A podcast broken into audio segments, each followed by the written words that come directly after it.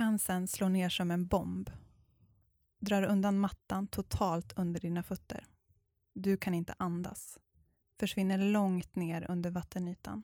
Får ingen luft. Det känns som att varje cell i din kropp drabbats. Men trots denna starka verkliga känsla så är det inte din kropp cancern bombarderat. Det är din mammas, din pappas, din systers eller brors. Det är din makes eller makas. Din bästa väns. Idag ska vi prata om hur det är att stå bredvid.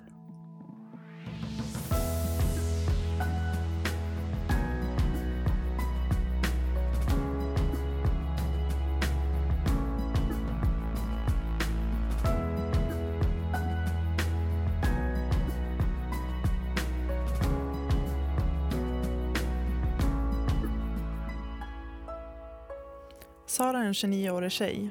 En otroligt omtyckt högstadielärare som verkligen brinner för det hon gör. Hon har en förkärlek till New York och fullkomligt älskar promenader. När hon var 27 år hade hon varit gift med sin man i två år. Och då hände det som inte fick hända. Det som är allas mardröm blev helt plötsligt deras verklighet. Hennes man drabbades av en mycket allvarlig hjärntumör. Och vardagen vändes upp och ner totalt. I detta avsnitt berättar Sara om livet efter beskedet en otroligt stark berättelse och vi är så himla glada att ha henne hos oss idag. Så välkommen Sara. Tack så mycket. Hur mår du? Jag mår bra.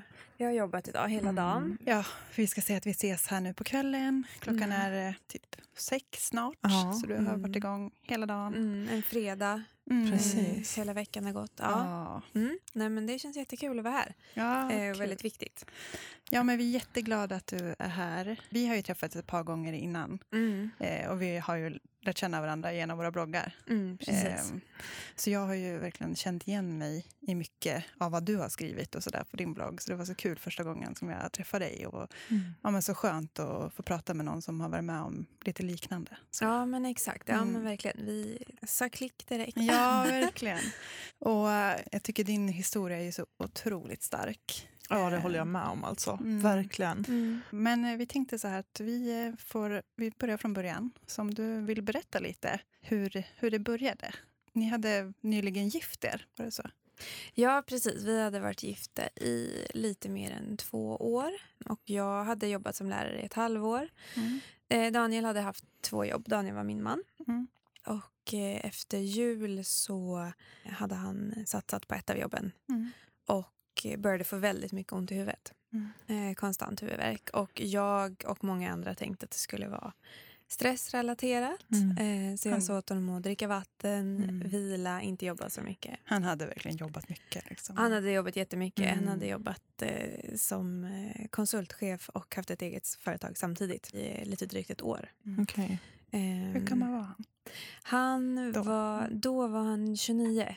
De hittade tumören ungefär en månad innan han skulle fylla 30. Gud, det låter lite grann som min egen Mm. ja, historia. Jag känner igen mig en del. Mm. Mm. Men just det här att, eh, att ni tänkte stress. Ja. Precis. Jag tror nog han inte riktigt tänkte att det var det. Men han hade konstant ont i huvudet i över en månad. Mm. Eh, och han har alltid varit jättefrisk innan, aldrig Mm. sjuk. Eh, Mm. Trots att jag hade kräksjukan och allt möjligt Mm. så klarade han sig alltid. Eh, så det var så väldigt märkligt att han helt plötsligt eh, hade så ont i huvudet. Mm. Mm. Eh, så det blev att vi åkte till eh, akuten en kväll. De tog lite blodprover. Några timmar senare kom en läkare och sa så här, nej men vi hittar ingenting. Blodproverna visar ingenting. Mm. Det var förhöjda njurvärden, eh, men det har inte med din huvudvärk att göra. Mm. Så vi skickade en remiss till vårdcentralen. Så, hej då. Men hade Mm. ni liksom, då hade ni gått med det här i ungefär en månad Ja. när ni liksom Mm. tog beslutet att åka till akuten. Mm, precis. Hade det varit mycket oro under den tiden? Jag tror från hans sida, Mm. ja. Men inte från min, för jag var så övertygad om att det skulle vara stressrelaterat. Mm. Eh, Men sen så gick det en vecka eh, och han fortsatte ha jätteont i huvudet. Och sen så en kväll, precis en vecka senare, så kände han hur halva kroppen, eh, alltså halva Mm. delen av kroppen började domna av. Så då ringde vi en ambulans som kom. Och de var också så här, ja, det här är stressrelaterat. Vill du åka in till sjukhuset eller vill du inte? Du får välja. Eh, och då ville han såklart åka in. Sa de att det var stressrelaterat? Ja, de sa, de sa det till mig. Mm. Eh, ja, det här är ingen fara. Det är typiskt för den här åldern. Så. Okej. Så knepigt, måste Mm. jag säga. Innan de vet liksom. Ja, verkligen. Men du sa också att han hade han haft någon magkänsla Jag tror om det. att det inte var stress? Ja, jag som tror det. trodde? Ja. Ja. Mm. Jag tror att han Ja. kände nog att nej, men det är någonting som inte stämmer. Mm, precis. Nej, men så kom vi in där till akuten och fick vänta flera timmar och Daniel ville gå därifrån för att han hade så otroligt ont i huvudet. Mm. Eh, till slut fick vi träffa en sköterska. Vi fick vänta länge. Ja, kanske tre timmar Mm. skulle jag gissa. Mm. Och då var det undersköterskan som eh, bad honom att klämma på hans händer samtidigt för att känna om han var svagare i ena sidan eller Ah. andra.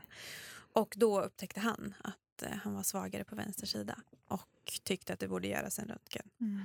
Så, han- så han tänkte så att, eh, att Ja. det borde göras en röntgen Mm, och han kände det. Mm. Mm. Ja, Mm. precis. måste ha varit en otroligt obehaglig känsla att känna det själv. Liksom. Ja. Varför kan jag inte? Ja, precis. Varför är jag svagare på ena? Exakt. Och sen så fick vi träffa läkaren och då kanske det gått två timmar till. Och hon sa också, hon var helt övertygad om att det var spänningshuvudvärk. Och då fick vi ännu ett val. Vill ni, eh, om ni vill ligga kvar på neurologen över natten, eftersom du nu två gånger på en vecka, så får du Mm. göra det. Annars så får du åka hem. Du får välja. Mm. Eh, Men- men då va? tog vi valet att eh, han skulle ligga kvar. Eh, och då beställdes en röntgen. Eh, jag åkte hem, då var klockan kanske två på natten. Jag hade också, när jag åkte hem, då hade jag magkänslan. När jag kom hem så bara grät och grät och grät jag. För jag Mm. kände att det är någonting som inte stämmer. Mm, Det här kommer okej. inte bli bra. Nej. Kommer hem, somnar till slut, har förmodligen mobilen på ganska lågt ljud. Vaknar klockan sju av att jag har 15 missade samtal Mm. från både Daniel och från eh, dolt nummer. Mm. Ringer Daniel, för han har skickat meddelande också, och han säger så här. De har hittat någonting i min hjärna. Eh, de kommer i en ambulans och tar mig akut till eh, Karolinska sjukhuset nu. Mm. Så de Eh, för hade- då låg han på Södersjukhuset i Stockholm. Så de hade gjort liksom en undersökning då på natten? Mm, precis, de hade väckt honom, rullat ner honom och sen så Oj. hittat den här. Okej. Ja. Mm. Så då togs han med ilfart till Karolinska Mm. sjukhuset. Mm. Och där samma dag eh, så opererades han, eller man lättade på trycket. Han hade jättehögt tryck i hjärnan. Okej. Så det var så vi liksom fick reda på att det var någonting. Mm. Och där vet jag också att jag sa, eh, mina föräldrar och min lillebror kom till sjukhuset och skulle ta med mig hem. Liksom. Och då i bilen så vet jag att jag sa så här, han kommer dö. Det kommer inte gå Mm. bra. Och mina Mm. föräldrar var så här, såklart, Mm. nej det kommer gå bra, det är ingenting. Men det var som att jag visste, det här, det kommer inte gå. Det kändes som att det blev väldigt snabbt också så här in Mm. och lätta på trycket Mm. och pang så indirekt i Mm. sjukvården och Mm. oj vad fasiken Men det känns händer? ändå som att det är en väldigt viktig undersökning att göra en röntgen på en gång med de Ja. symptomen. Det är lite märkligt att de hade Mm. först tänkt vänta Mm. med dem. Ja, vi pratade sen med, med neuroonkologen som Daniel hade. Och han höll med oss, men eh, sa samtidigt att huvudvärk är det vanligaste Mm. liksom, som Mm. folk söker för på Jag vet, akuten. Men om man domnar. Men, ja, men precis, Exakt. så domnar man bort. Och jag tänker, och som det sa den här läkaren också, så här, om man kan rädda, om det är en på hundra som har det så är det ju värt att göra den undersökningen. Verkligen. Eh, men att det handlar mycket om pengar, trodde han. Ja, Och jag tycker det är knepigt också att ansvaret, eller liksom att ni fick ta de där Mm. besluten. Ja, det, va?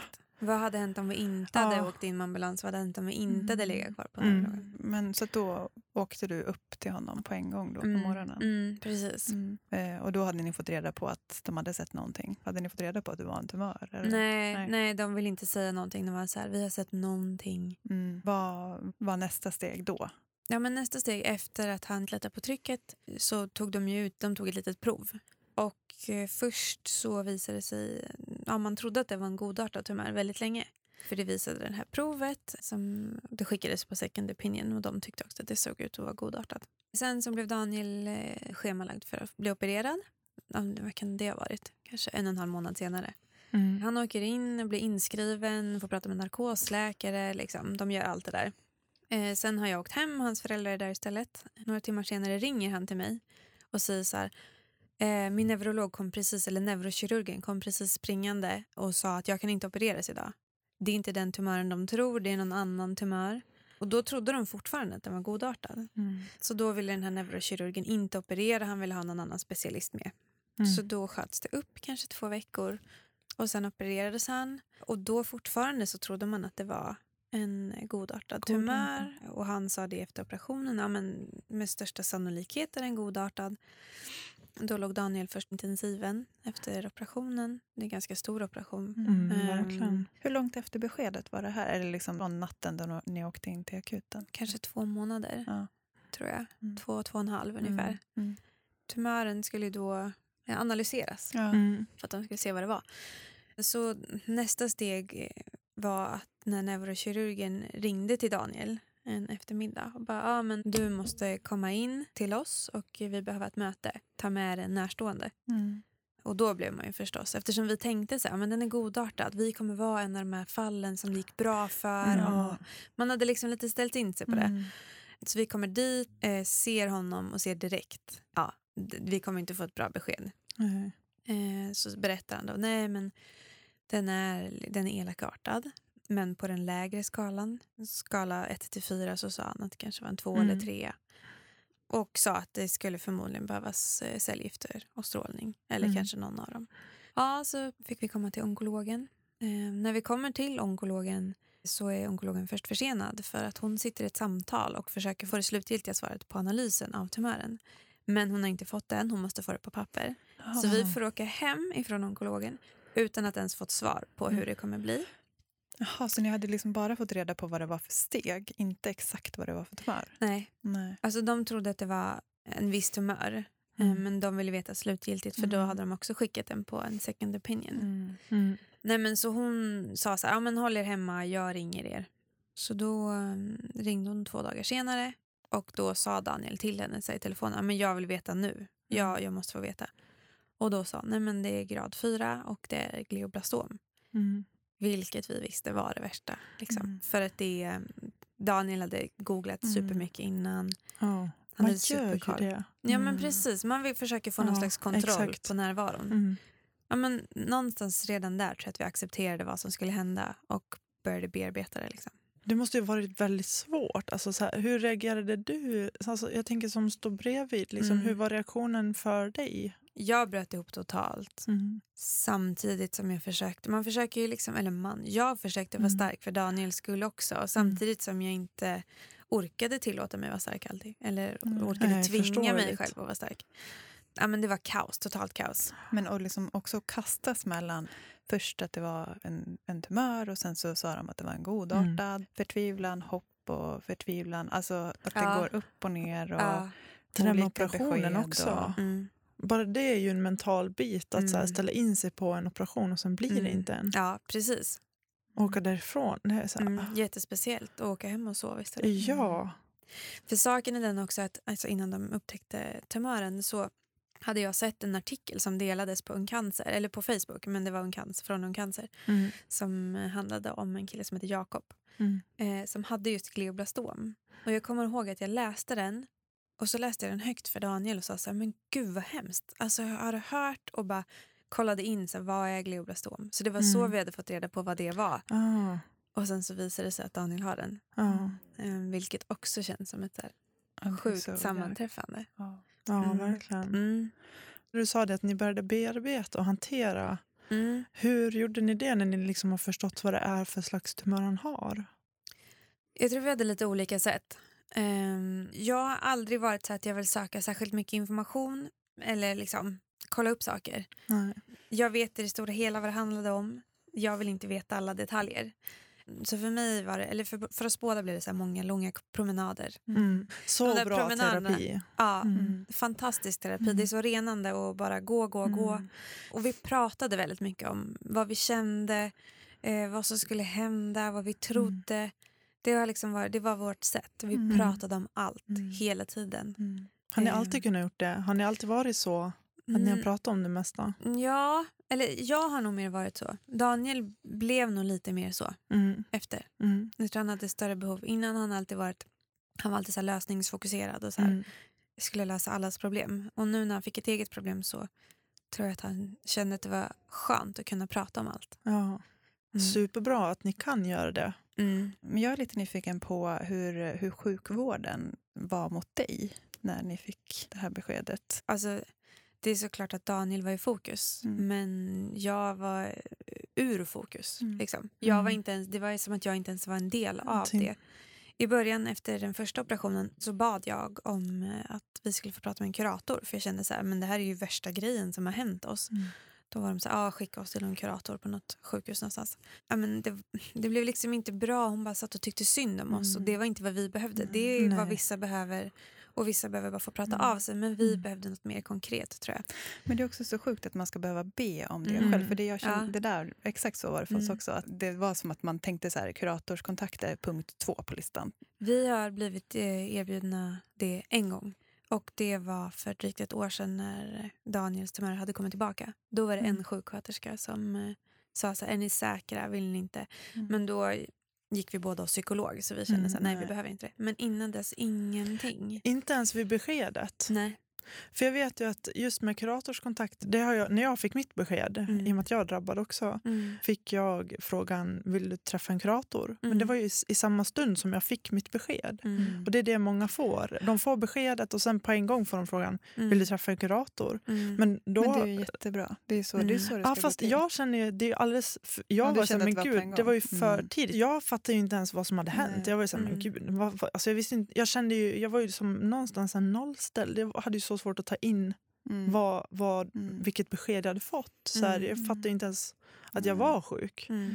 Så jag kände så här, vad ska jag prata med en kurator om? Mm. Jag, hade de frågat mig Nej, några förstår. månader senare eller Mm. kanske några veckor senare. Mm. Så att, där tycker jag man ska få frågan vid beskedet. Mm. Men sen säger man nej då så Mm. tycker jag inte att vården ska släppa den biten. Nej. Utan ta upp och fråga igen Mm. senare. Så här, känner du att du skulle vilja prata Mm. nu? Mm. Att man får det då. För Mm. det hade jag behövt senare.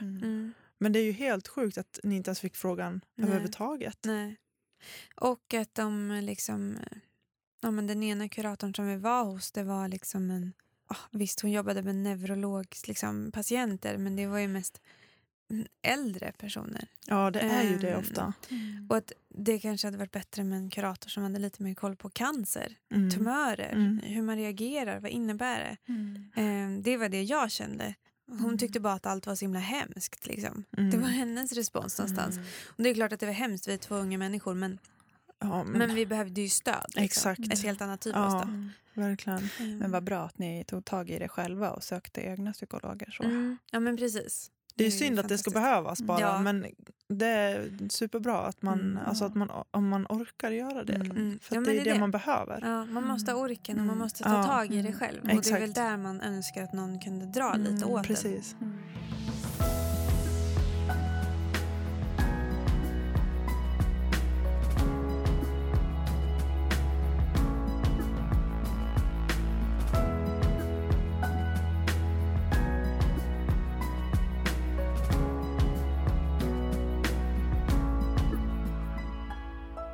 Opererades så sa du att han, de fick bort eh, det mesta av, av tumören. Ja precis, då fick de bort det mesta. Ja. Och sen så blev det, mm, eh, han fick cellgiftsbehandling och eh, strålbehandling. Mm. Eh, Hur länge då? Sex veckor tror jag. Sex veckor, Ja, både och. Ja Ganska precis. intensivt. Ja. Och sen så gick det ju en period där han fick vila lite och sen så åt han eh, cellgifter i, ja vad var det? Ja, typ en gång i månaden i fem dagar. Mm. Mm. Det där berättade de för mig förut, att det var så, så, sånt schema för det där. Mm. Det var så mycket att hålla koll på. Ja. Vill Ja, du berätta gud, ja. lite om det? För det vet ju Ja. inte vi, jag och lyssnarna. Nej, nej, men han... ehm, när man äter cellgifter, eller cytostatika Mm. kanske man ska Mm. kalla det. Då var det liksom att, ja men då var han tvungen att tänka på när han skulle äta middag. För sen så var han tvungen att ta en, en tablett mot illamående. Då skulle Ja. han väl göra det en eller två timmar efter han hade ätit. Sen var han tvungen att vänta en, två timmar innan han kunde ta sin cytostatika. Så då var ju klockan kanske 10-11 på kvällen Mm. och sen började han må illa. Mm. Ehm, De första två omgångarna liksom, då mådde han inte illa alls och det gick jättebra. Men sen började han må illa och kräktes mycket. Mm. Så det var liksom, man var tvungen att anpassa, Mm. man kunde inte göra någonting de där dagarna. Nej, det Men- blir ju som att cytostatikan styr Ja dagarna, planeringen Ja. av dagarna. Kände du liksom att det var mycket, att du ville också ha koll på det där? Liksom, att du ville hålla lite... Daniel var faktiskt extremt bra på att hålla koll. Okej. Men han hade ett ganska stort kontrollbehov Mm. också. Så det, jag kunde släppa lite där. Mm, okej. Det var skönt för mig. Mm. Och Hur länge åt han, sa du? Jag undrar om han åt sådär, om det var sex omgångar kanske. Mm. Fem omgångar. Mm. Jag kommer inte riktigt ihåg. Hur, hur gick tankarna då? Var det liksom efter operationen, de hade fått bort det mesta, han Mm. gick på behandling. Mm. Kunde ni leva ett, liksom, eller kunde du leva ett någorlunda... Liksom, Ja, jag kunde leva ganska normalt ändå. Mm. Jobba har alltid varit min, liksom, min fristad. Där kunde Mm. jag vara mig själv, jag kunde vara Sara, Mm. jag kunde vara glad, jag kunde tänka på annat. Jag träffade mina elever. ehm, ja, men de fick mig liksom att tänka på annat. Jag kunde Mm. gå helt in i det jag gjorde där och då. Jättebra. Vilket var jätteskönt för mig. Mm. Samtidigt som det är lite dåligt samvete över att Daniel satt hemma och inte alls kunde Mm. lämna cancervärlden Nej. på samma sätt som jag någonstans kunde. I alla Mm. fall liksom ibland. Mm. Gud, det där Ehm, samvetet. Så det är jättesvårt med det där samvetet. Ja, det är, det är så dubbelt, men jag tycker det låter klokt av dig att Mm. jobba och alltså få den här lite fristaden. För Mm. att då kanske du orkar också stötta och finnas där Mm. för honom Ja, mm. mer. Exakt. Superbra att Ja, du ändå liksom tillät dig att du kände att, eh, att det gav dig energi och då var det någonting som du måste göra för att liksom Mm. kunna ge energi Mm. tillbaka. Till, Ja men precis. Ja, det- Jätteviktigt. Det kändes liksom Superbra. egoistiskt men ändå... Mm. Ja, men, eh, det, det var såklart en egoistisk handling men jag tror ändå att det gynnade honom Mm. också. Att det var det. Ja, för jag tänker inte att det är egoistiskt. Nej, Alltså, men för jag att det förstår är som han, känslan. Ja, Mm. precis. Men alltså just, för det var som du sa också, att han, han mådde bra av det. Och så att, Mm. alltså, Mm. ja, det är ju dubbelt ja, såklart. det är väldigt dubbelt. Väldigt dubbelt. Ja. Nej, jag vet ju när min man drabbades så slutade jag träna som jag älskar. För att Ja. eh, det är typ en sak i min vardag som ger mig energi. Det slutade jag med för att inte min man kunde. Eh, jag slutade träffa mina vänner och gick inte ut på någon middag med mina vänner för det kunde inte min man göra för han var mitt Nej. uppe i sin... Liksom. Så att jag, Mm, förstår, mm. jag känner igen mig jättemycket i det Ja. där och liksom just det här eh, dåliga samvetet. Mm, precis. Att man bara nej, varför ska jag? Han kan inte, Mm. klart inte jag heller ska. För Ja. att eh, det bara tog alldeles för mycket på samvetet och kändes alldeles för egoistiskt. Och till slut så var det ju så att man bara inte orkade alls överhuvudtaget. Nej, för att man fick inte in någon energi någonstans. Nej, Och till slut så insåg man att jo, jag måste faktiskt få göra de här Mm. sakerna Mm. för att kunna gå hem sen och ge energi till min man. Mm. Så det är ju jätteviktigt. Ja, men det är Så så, viktigt att inte liksom, strunta i de här viktiga grejerna. För jag Mm. gjorde precis samma. Slutade Mm. träna, slutade träffa folk. Också för att jag kände det här ständiga dåliga samvetet för att jag var på jobbet flera timmar om dagen. Mm. Han var ensam. Så när jag väl Mm. kom hem då ville jag vara med honom inte lämna honom ännu mer ensam. Liksom. Nej, Mm. förstår det. Såklart. Mm. Men det kan nog jag säga som, som drabbad, att Mm. hur jag har känt det. Så Mm. jag skulle ju inte vilja att alla mina nära och kära skulle sluta med sina liv. Även, det är ju dubbelt såklart. Ja. Men man vill ju också att de man älskar ska må bra och att, Mm. Ja, att, att de ändå gör Mm. det som får dem att må bra. Fastän Mm. det, för det behövs ju verkligen i en sån här period. Mm. Min man var väldigt uppmuntrande till att jag skulle träna, jag skulle gå ut på middag och allt sånt här. Så, så, och när jag väl gjorde det så hjälpte inte det. Jag fick Nej. ändå dåligt samvete. Ja. För att eh, det kändes inte rätt. För det var bara någonting som hade vänts upp och ner från dag till natt. Liksom. Mm. Eh, för att eh, från att gå till ett helt normalt liv till att ha en sjuk man. Det var, Mm, det, var mm. det som hängde över en. Ja men det är det. Och någonstans det är liksom mer än att ha en sjuk man. Det är så här, ens men framtidsdrömmar, ens Ja. tankar om vad som ska Mm. hända. Allt någonstans raseras. Det eh. påverkar allt i ens liv. Precis. Mm. Inget blir som man trodde att det skulle bli. Nej. Men liksom. hur, när du sa framtid, hur, hur, kunde ni, hur tänkte ni på framtiden? Kunde ni tänka på den? Alltså vi förhöll oss nog till den, alltså för Daniel var med i en vetenskaplig studie också. Eh, så han röntgades varannan månad. Mm. Så vi levde liksom i två månaders perioder. Mm. Och bara, ah, vad skönt. Nu har vi två månader till när den inte har växt. Så då kan vi ta det lugnt i två månader. Vad Mm. skönt. Mm. Så det var ganska så kort eh, framförhållning. Väldigt Eh, här och nu känns det som. Väldigt här och nu. Ja. Eh, och det fick vi öva oss på. Ja. Eh, det kommer jag ihåg särskilt i början. Att jag var så här, jag blev helt manisk i att tänka så här. Jag, varje dag så ska jag tänka på tre positiva saker. Mm. Och vissa dagar var det så här, okej, idag är jag glad för att solen skiner, ehm, höstlöven är fina och jag har eh, fina ljus hemma. Alltså.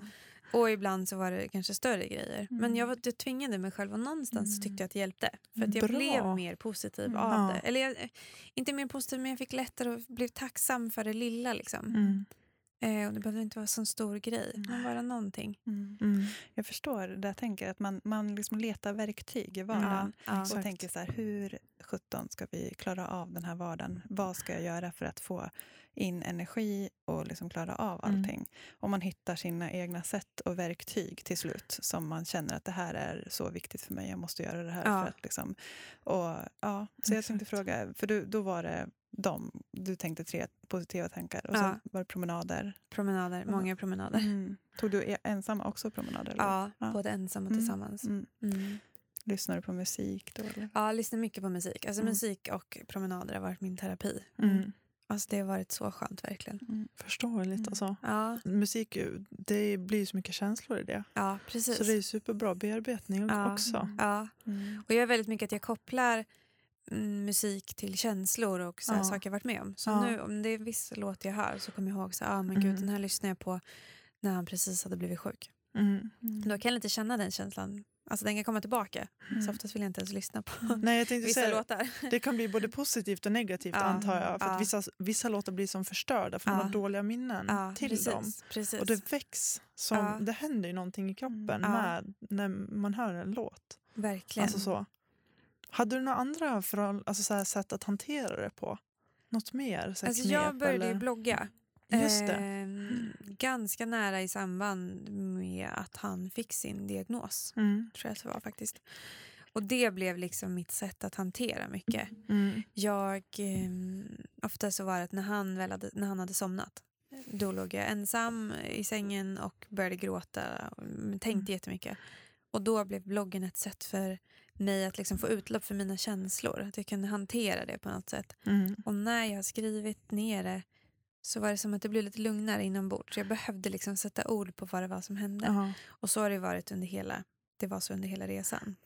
Men då började du blogga när han blev sjuk. Mm. Som ett sätt att bearbeta allting. Ja, precis. Det blir väl kanske lite också det här att så här, skriva av sig och inte gå runt och bära på det på samma Mm. vis. Mm. Eller?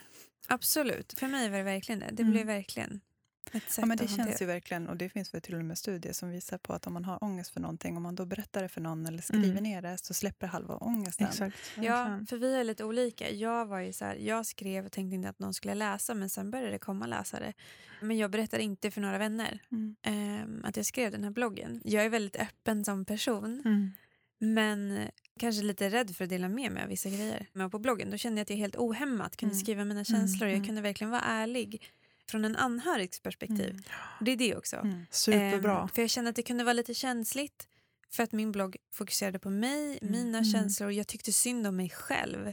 Eller som jag ofta känner, alltså det blir det här, jag är bara anhörig. Mm, Just när det ofta precis. blir fokus på den som är sjuk. Så äh, känns det som att man som anhörig, alltså det blir det här, men fan det är inte du som är sjuk. mm, Men alltså, mm. man har ju också mm. drabbats när man Ja. är anhörig. Så det är egentligen lika tufft Mm. för både anhörig och drabbad. Men ja, man pratar inte lika ofta om anhörig. Därför är vi så himla glada att du är här idag, att vi Mm, pratar mm, om det. Eh, Just för att det är lika viktigt. Och man är inte bara anhörig. Liksom. nej, nej men precis. Och jag tror att jag kände nog så, så här, men jag tycker faktiskt att det är synd om mig. Och jag har också en jävligt jobbig situation. Mm. Men att det var inte riktigt okej att säga till folk. Nej. Det sa Daniel eh, under tiden han var sjuk eh, flera gånger. Han bara, jag tror att det här är värre för, för dig än vad det är för mig. Mm. För att du måste se mig och du är helt maktlös. Mm. Han bara, jag känner ändå att jag, ja, men, Mm. jag kan styra hur jag tänker Mm. och det är jag som stoppar i mig liksom, medicinen. Så. Men Mm. du kan inte göra någonting. Hur var det med relationen? Att från att Daniel var sjuk, alltså relationerna du har med dina vänner. Och blev, såg du någon förändring där efter att de fick reda på? Ja, men det tyckte jag nog. Det var nog mer att jag höll, drog mig undan mer. Mm. Alltså det var nog mer jag som tog något slags val. Mm. Kände du att det blev jobbigt? Eller liksom, vet du vad det Nej. var som hände? Vad som gjorde att du drog det undan? Jag tror inte jag riktigt vågade berätta för mina vänner hur dåligt jag mådde och hur rädd Nej. och ledsen jag var någonstans. Vad, vad som stoppade mig vet jag faktiskt inte. Nej, svårt att säga Ja, alltså. ja men lite samma som att jag inte liksom delade med mig av min blogg Mm. på Facebook eller så. Utan det kändes så privat. Även om jag är en väldigt öppen människa, så här Mm. face to face eh, oftast. Men så var det nog att jag kände det var något slags motstånd. Mm. Lite i det här men, men jag kan inte komma och ta massa plats i att det är Mm. synd om mig. Mm. Det är också svårt när man sitter i en sån situation som är, alltså det är väldigt allvarlig cancer. Mm. Och så här, cancer är ju jobbigt att prata om. Det är svårt, man vet inte hur man ska reagera. Och, Mm. alltså, då kan det också vara svårt att veta hur man ska prata om det med Mm. folk. Ja, Det kan också bidra till att man inte pratar om det hur som helst. Ja. Liksom. Mm. hur mycket, alltså lite så här, hur mycket klarar folk av? Mm. Om de frågar mig hur jag mår, ska jag vara ärlig då? Ska jag säga Ja. så här, "Eh, men hur för jävligt det är? Exakt. Klarar de av det? Ja. Alltså för det känns lite som att många inte gör det. Nej men hur mår du? Det känns som att det blivit också mycket en artighetsfras. Mm, så här, hur är det? Eller Precis. så. Men samtidigt kunde jag känna ibland eh, när jag jobbade, när eh, det är jättegulligt och jättefint när kollegor undrar hur man mår. Men ibland kan det Mm. vara så här, "Ja, men det är bra, jag orkade inte. Men då var det så här, men hur mår du egentligen? Mm. Eh, och då kan jag känna så här, fast nej, Mm. vi känner inte varandra så pass bra. Och om jag säger att det är bra, låt mig vara. Liksom. Mm. Men det är såklart det är jättesvårt för alla runt omkring en anhörig också. Mm. Ja, Alltså, de vill ju vara väl och Mm. det har jag fått intala mig själv många gånger Mm. och jag fick intala Daniel det. Liksom. Mm. Folk säger alla möjliga grejer Mm. i all välmening, verkligen. Mm. Men ibland så bara rinner bägaren över och man orkar inte höra fler kommentarer Nej. eller höra fler så här styrkekramar, kämpa. Som folk säger för att vara snälla och ge Exakt. kärlek och omtanke men som till slut blir så här, "Nej, men jag orkar Nej. inte. Kan jag bara få vara normal? Mm. Mm. Ett normalt Exakt. liv. Det, det är allt man vill ha. Man Mm. vill bara kunna ligga Precis. i soffan en fredagkväll och Mm. inget ska vara konstigt.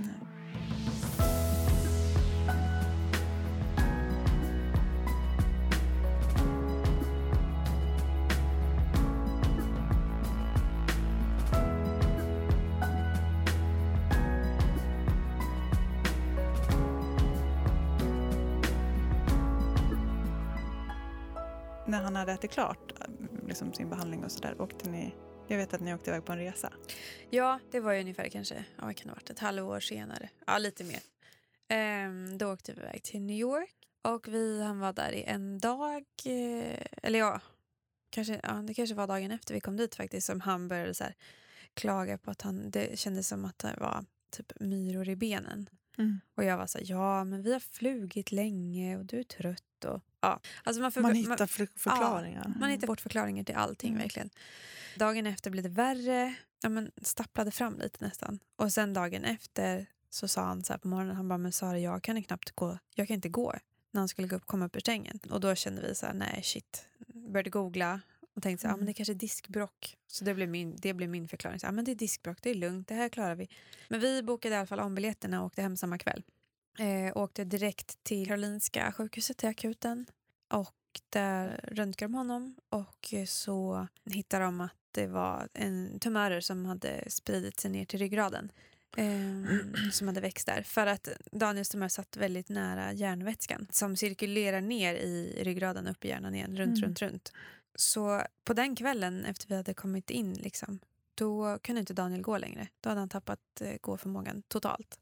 Och han behövde opereras, men de ville helst vänta till dagen efter för då skulle den som var specialist på att operera i ryggraden vara där. Ja, då kunde vi kunde vänta liksom. Då gjorde de det. Sen så fick eh, Daniel lära sig att gå igen och det gjorde han på en månad kanske. Han låg ganska länge på Karolinska, några veckor och sen fick han komma till rehab. Ehm, Blev han som förlamad då? Eller tappade han, fun- alltså, hur säger man? Ja. Tappade han funktionen? Eller? Ja, han tappade funktionen. Liksom. Ja. Han, han kunde inte röra sig, han kunde inte Nej. lyfta benen, röra tårna. Okej. Ingenting.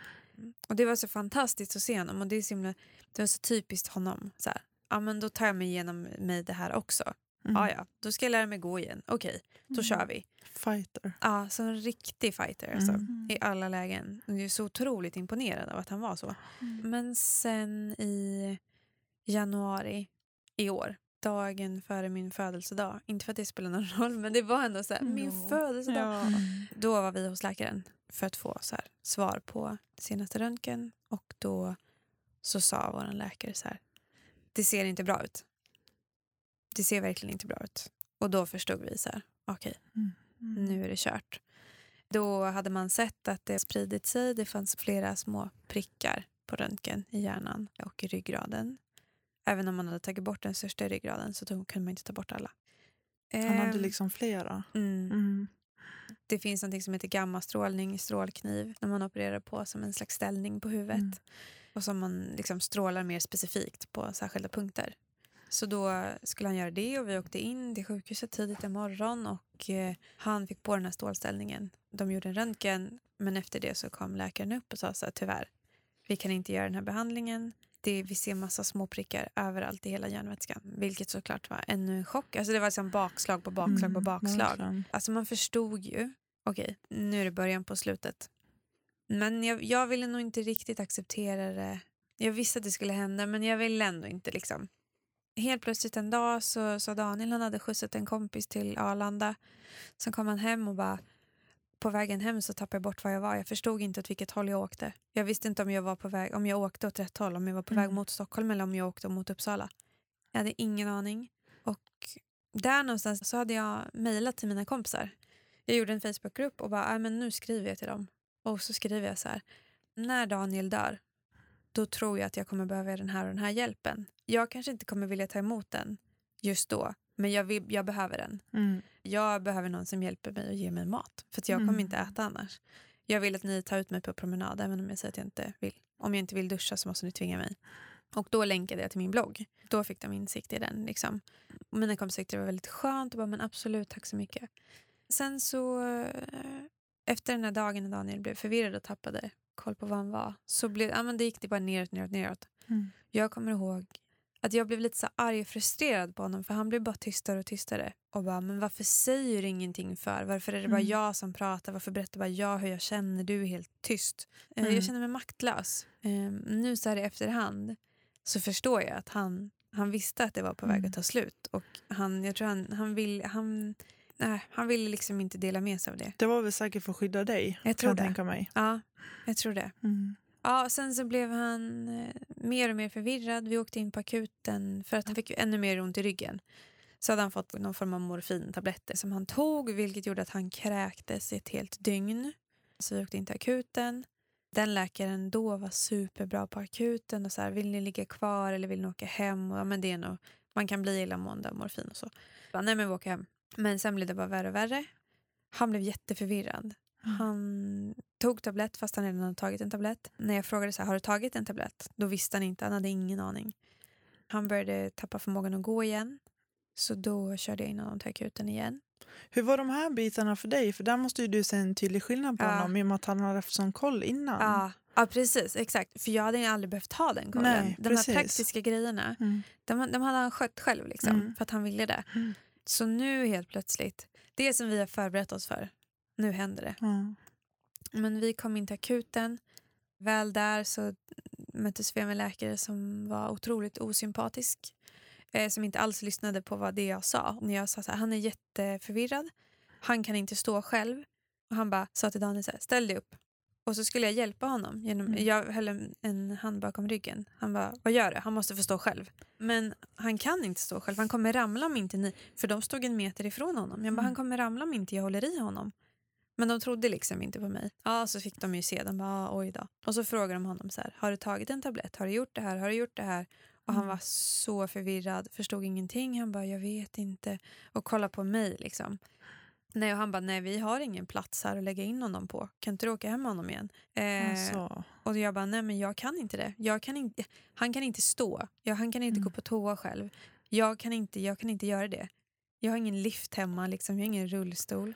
Alltså, det är också ett ansvar som läggs på dig då, Ja. att du ska åka hem med honom. Att läkarna inte ser, Men alltså, alltså, i det tillståndet han är i. Ja. jag blir så ledsen när jag hör det här. Ja. Jag tycker det är så fruktansvärt. Ja. Jag blir så Sån arg. ung kille Ja. som kommer in och har såna symptom och en sån Ja. sjukdom. Och Eh. om man kollar i hans liksom, journal Mm. så ser man så Dessutom. det har börjat Ja. se negativt Ja. ut, det det är på väg ut för.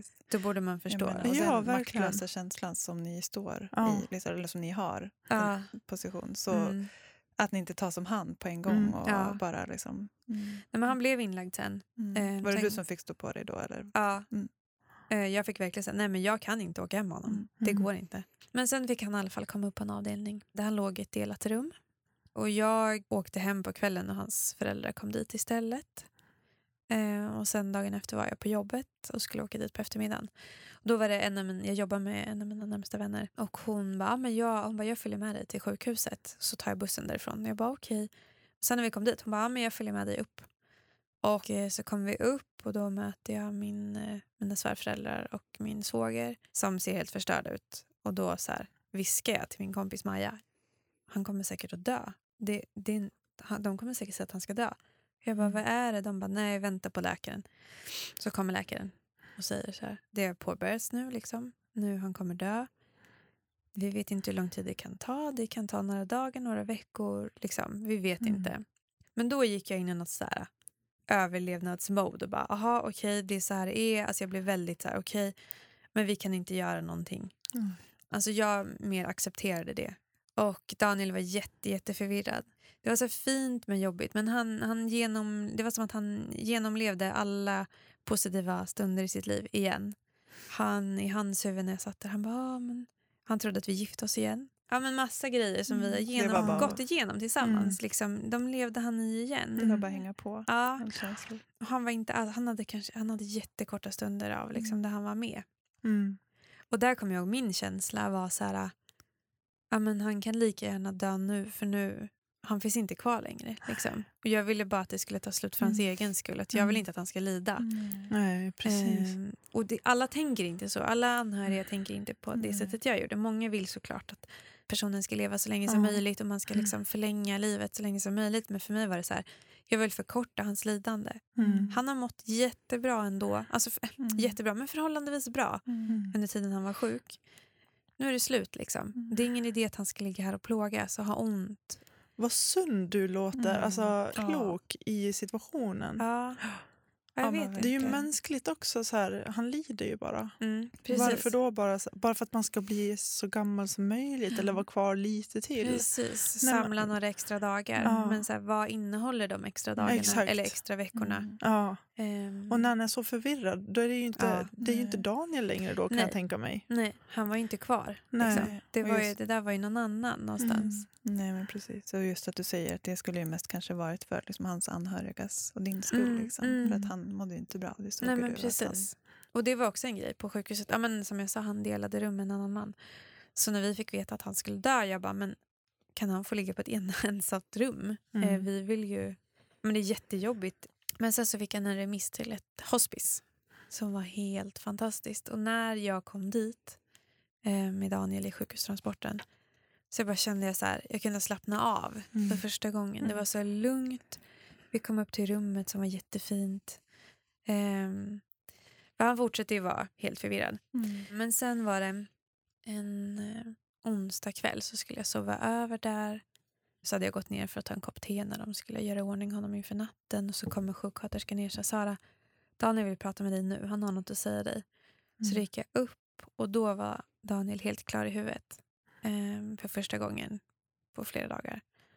Och Mm. var så här, ja men ville säga några sista grejer till mig. Det var så här, men jag älskar dig och du betyder allt för mig. Och ja men han ville liksom, ja men tack för att du har varit med mig.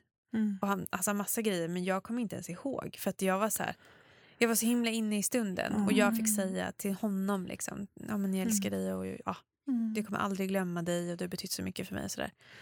Men sen på fredagen, då gick han in i ett, liksom, ett stadium där han inte kommunicerade mer utan då låg han bara Mm. Eh, och blundade mest, ibland kollade. Men sen på söndagen så hade jag sovit hemma hos mina föräldrar och så då ringde de från hospice och sa så här, nu är det dags, ni behöver komma hit nu. Mm. Så vi åkte dit. Daniels mamma mötte mig i dörren och bara skynda, skynda, skynda, du måste springa upp, du måste springa upp. Jag sprang upp liksom till rummet. Och det var, alltså det här, det är, det är den mest fruktansvärda stunden i mitt liv. Och Mm. det är fortfarande det som jag liksom har mardrömmar om och det är när Daniel dör. Mm. Det kan liksom, jag vet inte, jag, det, jag har nog inte bearbetat riktigt den biten än. Jag har bearbetat mycket av det andra liksom. Mm. Men just den biten är att behöva säga de här sakerna Mm. till den man älskar och har spenderat sitt liv med. Han var ju min absolut bästa vän. Alltså mer Mm. än allt så var han min bästa vän och vi pratade om allt. Eh, och behöva säga så här, släpp taget, Mm. det kommer bli bra, vi älskar dig, du är inte ensam, du kommer aldrig bli glömd. Och bara upprepa de här orden Mm. om och om och om igen. Och alla grät runt omkring mig. Men det var som att jag, för hans skull så var det så här, Mm. men jag kan inte gråta nu. Nu måste jag typ stödja honom i att han ska kunna, kunna Alltså, släppa gud, taget. ja. Liksom. Och det var så fruktansvärt och jag såg Han hade öppna ögon hela tiden och tittade in i mina ögon. Liksom. Mm. Mm. Och jag såg verkligen ångesten och det var så, ja, det var så fruktansvärt. Mm. Men eh, någonstans när han sen tog sina sista andetag Mm. och det bara blev helt tyst i rummet. Det var fruktansvärt samtidigt som det också var en slags lättnad. Mm. Liksom. Och det är också lite så här förbjuden Ja. Jag tanke. tänkte, jag, liksom, tänkte precis, jag tänkte precis på det. Att, faktiskt. Att, eh, kan tänka mig att det kanske ändå känns, för att eftersom att han hade varit så förvirrad och haft smärta och att det ändå kanske kändes befriande Mm. Ja. på något sätt. Ja. Att nu slipper han det. Och nu- Precis. Ja, men nu, nu behöver inte han kämpa mer. Mm. Liksom. Han har kämpat så sjukt hårt i två år. Eh, kämpat hela tiden. Lärt sig att gå liksom, bakslag efter bakslag. Varit förvirrad. Haft jätteont mot slutet. Och nu är det över. Liksom. Mm. Ehm, det är såklart ingen lättnad att han försvann och dog. Men, Såklart inte. Alltså. men samtidigt, liksom, men nu släpper han lida. Mm. Och det är väl just den biten Mm. som blir en lättnad. Mm. Alltså att man vet att han har det bra nu. Mm. Ja, men Att precis. lidandet är, är över. Ja. Mm. Exakt. Sen är det ju en ny sorg att bearbeta. Mm. Och Ja. bara den, det nya livet. Eller Ja. man ska säga så här. För dig att du lever men han, han är borta. Och, Mm. och så här, hitta formerna i det. Mm. Det måste ju ha Mm. varit en jättesvår omställning. Ja, och en sorgeprocess. Alltså, som, den kommer ju säkert fortsätta resten av ditt liv. Mm. Sorg tar ju sån tid. Mm. Mm. Och det är det, det är som att de här två åren som han var sjuk, det är som att vi har sörjt ihop. Liksom. Mm. Så det har hjälpt mig jättemycket. Och jag tror att många kanske inte riktigt förstår det heller för att idag, jag mår ändå bra. Liksom. Mm. Jag lever ett, ett normalt liv, eh, träffar vänner, tränar, Mm. eh, jag gör saker för mig själv. Liksom. Mm. Eh, och många har nog svårt att förstå den tanken för man tänker så här, men gud jag skulle vara ledsen i flera år. Men för mig är det inte riktigt så för att jag tror folk, in, folk är inte medvetna såklart om att så här, vi, men vi har bearbetat sorg i två Mm. år. Mm. Och absolut nu är det en helt annan sorg liksom, när han väl är borta och nu är jag ensam med den sorgen. Mm. Men det har ändå hjälpt mig så mycket att vi, Mm. men också att vi, det innebar att vi kunde säga allting vi behövde säga till varandra. Ja. Jag liksom. tänkte det att ni ändå liksom har påbörjat bearbetningen för länge sedan. Liksom, Ja, att ni har ja. gått igenom det här tillsammans Ja. och pratat så himla mycket som ni verkar ha Ja, gjort. Och Ja. Att liksom sorgeprocessen startade väldigt tidigt för dig Mm. kanske. Mm, ja men Eh. precis. För någonstans det är också så här, man sörjer honom men man sörjer också så här, en framtid som inte blev Mm. av. Mm. Ehm, och nu så här, kan jag tänka, ja men nu är det en ny framtid som väntar Mm. mig och Daniel eh, han inte ens bli 32 år.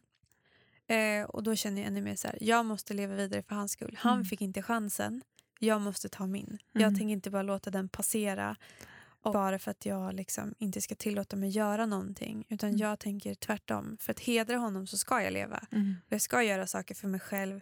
För att det är det han hade velat. Men jag måste ta chansen. Alltså jag, tänker inte, Mm. jag kan inte låta den gå förbi mig. Bara för Nej, att han inte fick den. Nej, och han kommer ju inte tillbaks bara för att du slutar leva. Exakt. Så exakt.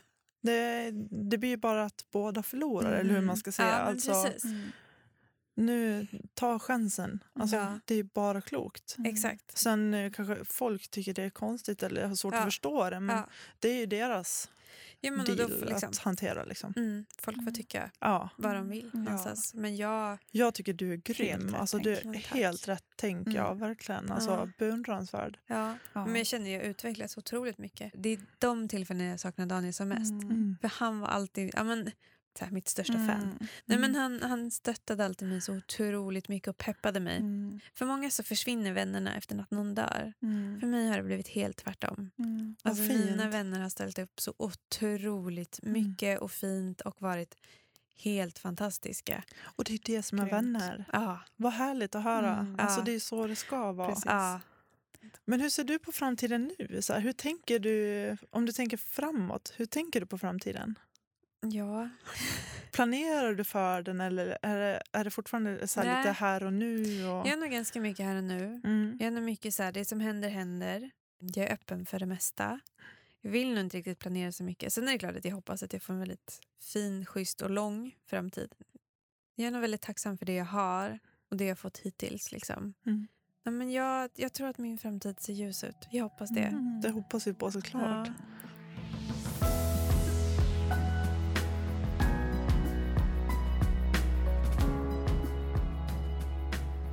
Men så- alltså Sara, jag är så imponerad.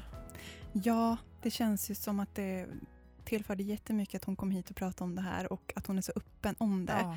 Ehm, och att hon, jag tycker att det är så bra för att hon beskriver sina känslor utifrån sitt perspektiv Mm. väldigt mycket. Mm. Eh, istället för att fokusera först på hennes mans Precis. och sen på sina. Utan hon lägger sina känslor och Ja.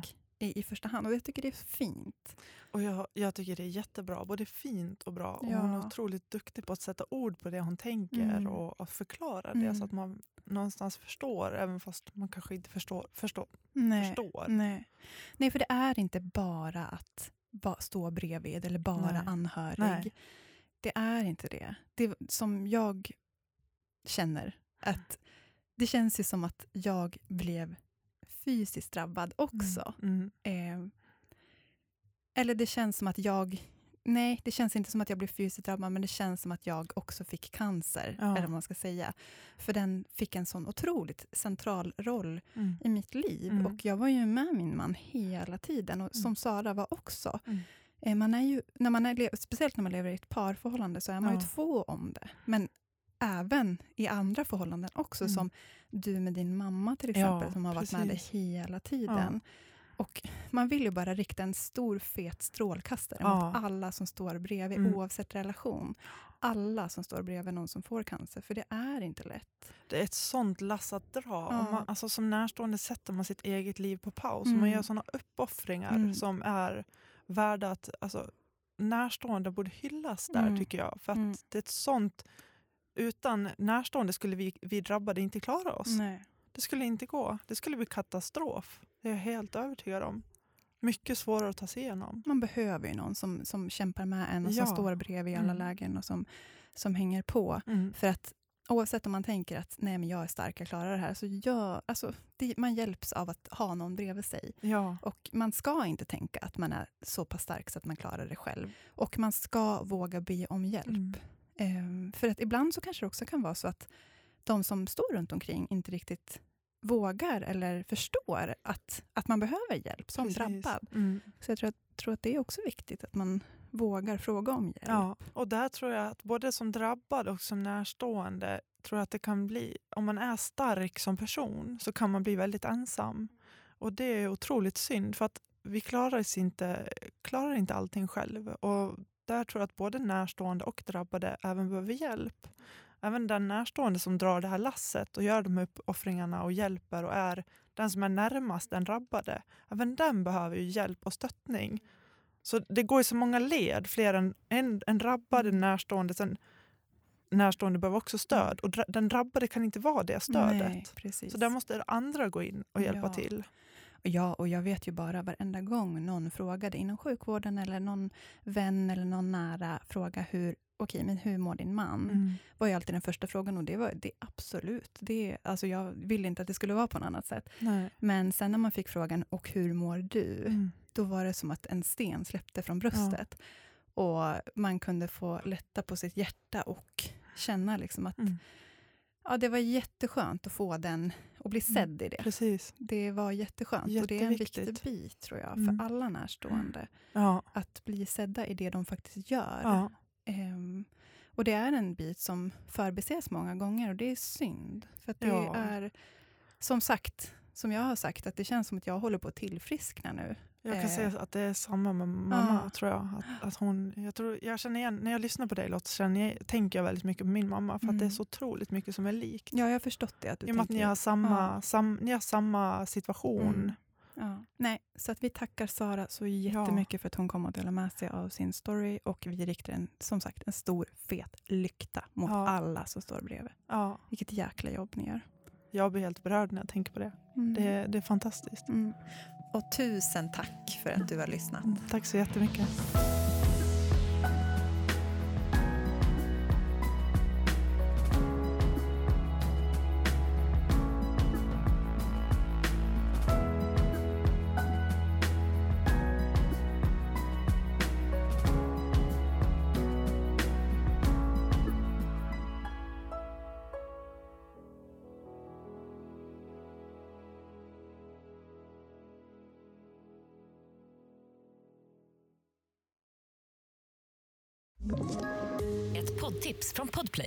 I podden Något Kaiko garanterar östgötarna Brutti och jag, Davva, dig en stor dos skratt.